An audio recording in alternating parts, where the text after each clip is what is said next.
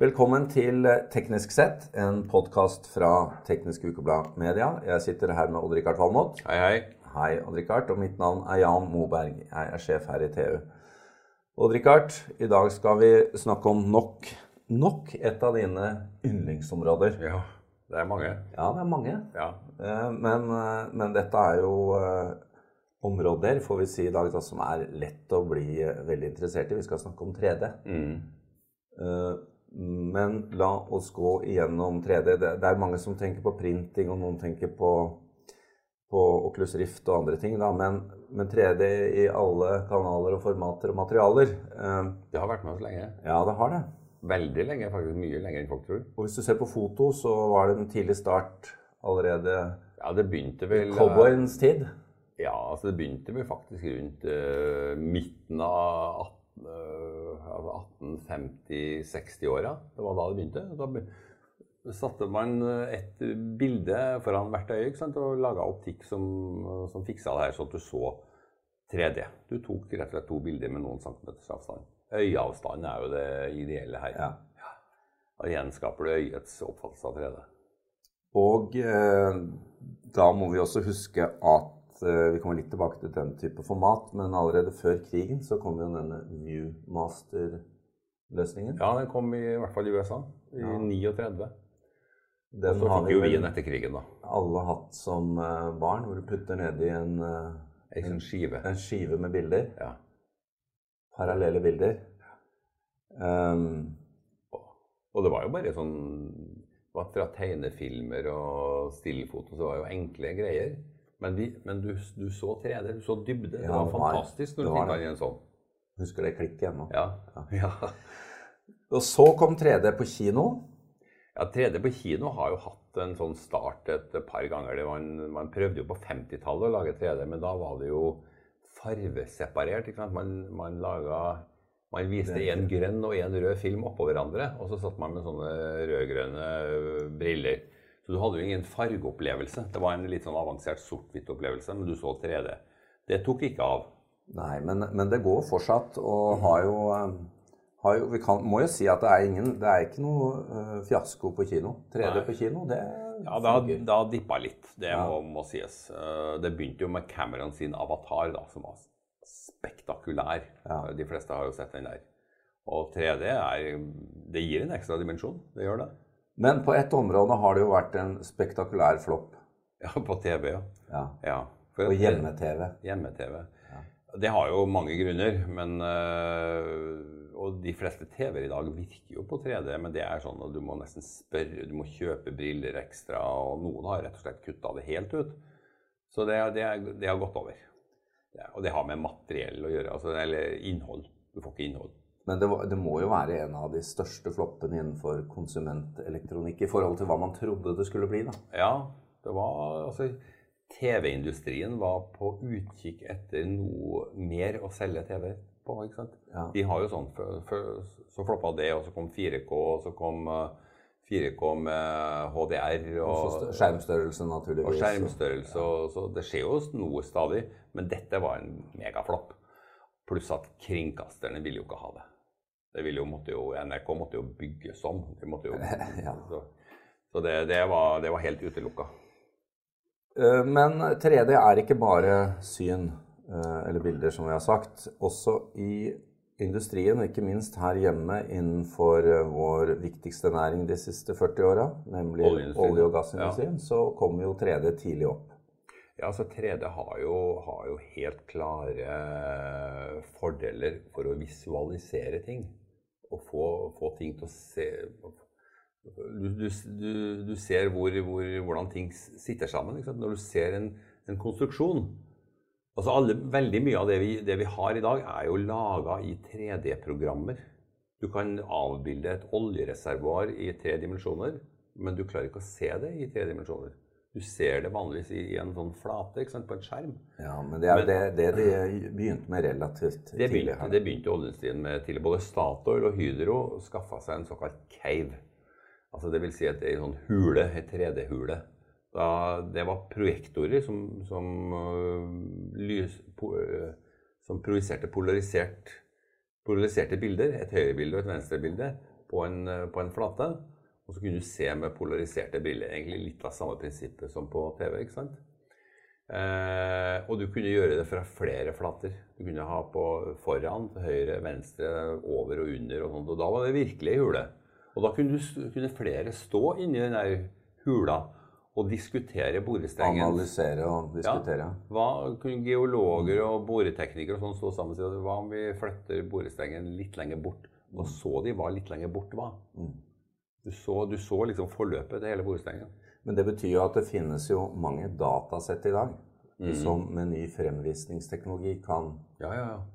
Altså det finnes mye materiale, egentlig. Da. Ja, ja. Altså, da, veldig mye av den spillindustrien de har jo vært på 3D veldig lenge. For skal du få et, et, uh, sånne figurer til å løpe rundt og skyte hverandre, så skjer jo det i et tredimensjonalt landskap. Ja, og det er jo en, det er nettopp den overgangen med 3D. da, at det, ja. det, griper jo inn i det vi ser på som rått konsumermarked, dataspill, men det ligger jo veldig nær det industrielle bruken? Ja, altså det går hånd i hånd. Det. Spillindustrien og, og, indu, og, rett og slett industriens bruk er jo veldig sammenfallende her. Men, men det, det, vi har mangla, er måten å se det på. Mange trodde jo at det her VR på TV, 3D på TV skulle liksom være bonanza for spillindustrien, som allerede var på 3D. Men det, det har ikke skjedd i samme grad, altså. Men det har jo vært viktig her også med utviklingen av prosesseringskraft. Ja, klart. Eh, altså Moores lov og grafikkprosessorer og den type ting. Det har jo på en måte, og Der har jo spillindustrien gått foran øh, og trukket lasset. For at ingen har jo vært så drivende for utvikling av grafikkprosessorer. Eh, og mange av dem. Du har, de har, du har bøttevis med grafikkjerner som drar sånne spill. Og de er jo veldig godt egnet til 3D, den nye 3D-verdenen. Det var veldig interessant i januar da Intel lanserte at det var et av deres hovedspor nå. var å gjøre grafikkprosessoren enda, enda mer kraftfull. Ja. Så, eh, og ikke minst også bedre software, naturligvis. Mm. Um, men og på toppen av dette da, så har da virtual reality kommet. Det er å ta 3D et stykke lenger. Ja, for da I motsetning til en flat skjerm, så har du skjermen på hodet i form av briller. Du har en sånn lukka verden inni eh, ved øynene dine. Og da kan du snu hodet. Da, du, da må du i tillegg til, eh, til, at du har en skjerm som kan vise et unikt bilde for hvert øye, og optikk som passer til det, så må du ha altså, sensorer som følger med hvor er hodet ditt. Uh, og det har jo det, altså, det, den enkle veien dit er jo rett og slett å bruke skjermen til mobiltelefonen. Ja, det er der vi har sett disse pappeskene som ja, folk putter du kan, du kan bare. Bare bruke pappeske. Eller, eller, Samsung har jo hatt stor suksess med, med sine briller. da. Og du bare klikker du en Samsung-telefon inn, ikke sant? og så har du en VR-brille. Billig. Men jeg blir jo bilsyk. Hvorfor ble jeg bilsyk? Nei, det er noe med optikken altså, som ikke er uh, helt uh, shipshape ennå. Uh, jeg har nok mer tro på at vi skal over på sånne skreddersydde VR-briller. Jeg hadde en store glede her om dagen hos Dimension IO, uh, eller TID heter. Så, så, prøvde jeg HTC Vive. Det var saker. Det må jeg si. Det var, en, det var en fantastisk opplevelse. Oppløsningsmessig så var det jo ikke noe særlig bedre enn telefonen, men du hadde en optikk eh, som, som, var noe helt annet. Og da, da kunne du virkelig kose deg inne i 3D-verden på en helt annen måte enn før. Ja, og det er jo flere altså det, det, som er drivkreftene her, er spillindustrien er jo stor på VR, men det er også andre områder som er store drivkrefter her. Ja, for jeg, altså det er klart, her, her, får jo, her, får du jo, reiseliv. Til og med porno. Pornoindustrien har oppdaga VR-briller. Uh, ja, det har du de, skrevet om. Ja, jeg har skrevet om det. Jeg, har, jeg fikk, fikk, en liten titt i den nye, nye, fantastiske verden på, i Barcelona nå i Mobile World Congress. Så det er nok et stykke å gå der òg før det blir den helt store opplevelsen. Men, men her, her, har jo industrien også store, stort potensial. Altså. Se produktmodeller, oljereservoarer og sånt via VR-briller er jo mye enklere og bedre enn de gamle cavene. Ja, vi må jo, må jo, benytte anledningen her til å skryte litt av våre kolleger og Richard, som har uh, fått et uh, gjort seg fortjent et stipend fra Google Ja. for å lage virtual reality-journalistikk her i TU. Ja, vi har jo vært pionerer på det her. Ja. Så vi har fått tre millioner kroner fra Google for å fortsette the good work. Og da er jo vår produsent denne podkasten, Eirik Helland Urke, han, jeg har jo sagt til han at nå må han få inn VR i disse podkastene våre òg. Han er litt tilbakeholden for det. Han er ikke sikker på hvordan det vil bli når du og jeg skal på VR ut til folket. Men, eh, Jeg er ikke sikker på det heller. men eh, vi har en plan i hvert fall. Vi har en plan. Og, og det er helt klart at det er stor interesse også blant eh, norsk industri, eh, teknologibedrifter, kunnskapsbedrifter om å gjøre VR-produksjoner som ikke dreier seg om underholdning, men som rett og slett gir mye mer info. Ja, det, Dette er jo et nytt verktøy som, som uh, surfer inn på bølgen av denne nye teknologien. Og vårt mål er jo at vi skal kunne sende ut en reporter alene som kan komme hjem og i løpet, av en dag har lagd en, en VR-reportasje redaksjonelt. Og det, det er veldig spennende å følge. Vi kommer tilbake til det. Litt selvskryt der, altså. Men eh, nå, dette med VR innenfor industri, da. Du snakket om Cave tidligere. Ja. Det må jo være mye rimeligere å bruke disse headsetene enn å måtte Veldig, bygge seg veldig, sånne veldig caver. mye billigere. ikke sant? Så, og, og det kommer. Men, men VR, VR er jo ikke alene i det her, da. Du har noe som heter AR også. Uh, augmented reality. Altså virk, kunst, kunstig, det kunstige lagt oppå det virkelige. Er det prosessorkraften som gjør dette mulig, eller er det andre ting? Ja, det er optikk og prosessorkraft og innovasjon. Og der har jo Altså Google Glass var jo en slags Forløpere, AR, ja. Hvor du projiserte et bilde. Det kunne jo være en tekst eller det kunne være en produktmodell eller sånt på den ene brilla. Men det er jo, ser ut som Microsoft tar en ledelse her med HoloLens. Ja, De imponerer med det produktet. Ja. Og da får du også inn hologramfunksjonen. Ja, jeg har ikke, jeg har ikke prøvd det ennå, men det gleder jeg meg til. Men jeg har prøvd øh, augmented reality. Canon lager også det, så, og det er ganske flott, altså. Men den dagen du kan sitte i en slags videokonferanse, men ha hologramfunksjonen også, så vil du jo Mm. sitte med personen overfor deg. Det vil jo bli en helt fantastisk eh, eh, Så virkelighetsnært Ja, det, det bringer opp en ny dimensjon i med øh, kommunikasjon. Men la oss ta den siste biten av av 3D, da. Dette er jo også noe du har skrevet eh, mye om. Du, du hadde bl.a. en artikkel for et par år siden om hvordan Siemens 3D-printer eh, turbinblader, Ja, turbindeler, ja. turbindeler, som de ikke kunne ha støpt, Ja, og som øker ytelsen på turbiner. Ja. Dette gjør de i Sverige, har jeg skjønt. ja. Det å 3D-printe, eh, altså inn i industrien, da, det er, jo, det er jo noe som virkelig har tatt av. Um, Ja, det er, det er jo en, en 3D-printer kan jo være så mangt. Det er alt fra en sånn eh, jeg skulle si glorified limpistol som du fører i, i treakser, til metallprintere som printer i superhøy oppløsning i, i metall. Og det er jo der de her eh, delene kommer inn. altså Det er rett og slett ikke mulig å lage dem på noen måte. Du kan ikke støpe noe med sånne, sånne intrikate hull som de trenger i noen av de her med delene. Eller se på, se på det på en annen måte. Du kan endelig lage de delene du ikke kunne før. Ja, det kan du. Uh, og, men fortell meg da altså Hewlett Packard og Cannon for eksempel, har jo vært de typisk store printerselskapene. Ja, Er dette et løp for de? definitivt. Det er jo de som nå kommer inn fra sidelinja her. Og de, de har jo ikke vært med i 3D-print ennå. Eh, HP lanserte sin 3D-printer nå.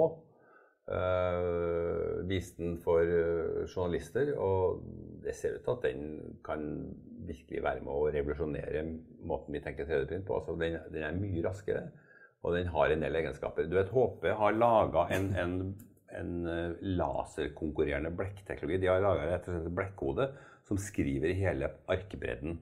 Tenk på 3D-printeren som noe av det samme. Den skriver med en sånn herder i, i, i et eh, bad av, eh, av eh, Det kan være plastkuler, keramisk altså du, Veldig mange ulike stoffer. Så herder det, og de, de skriver veldig raskt. Så de, de påstår at de skal kunne revolusjonere den industrielle bruken av 3D-print med det her. Og så er det gjort det slik at disse printerne kan settes i en slags uh, samlebåndsfunksjon.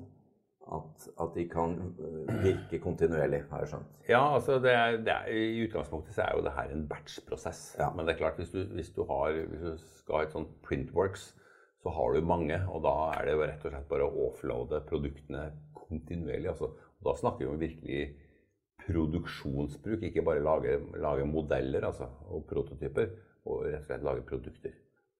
La oss avslutte med noe som er skikkelig mind-boggling. Eh, vi snakker om medisinsk print. 3D-print. Ja. Vi har en sånn printer i Norge nå. Hva gjør det? Er forskningsbruk.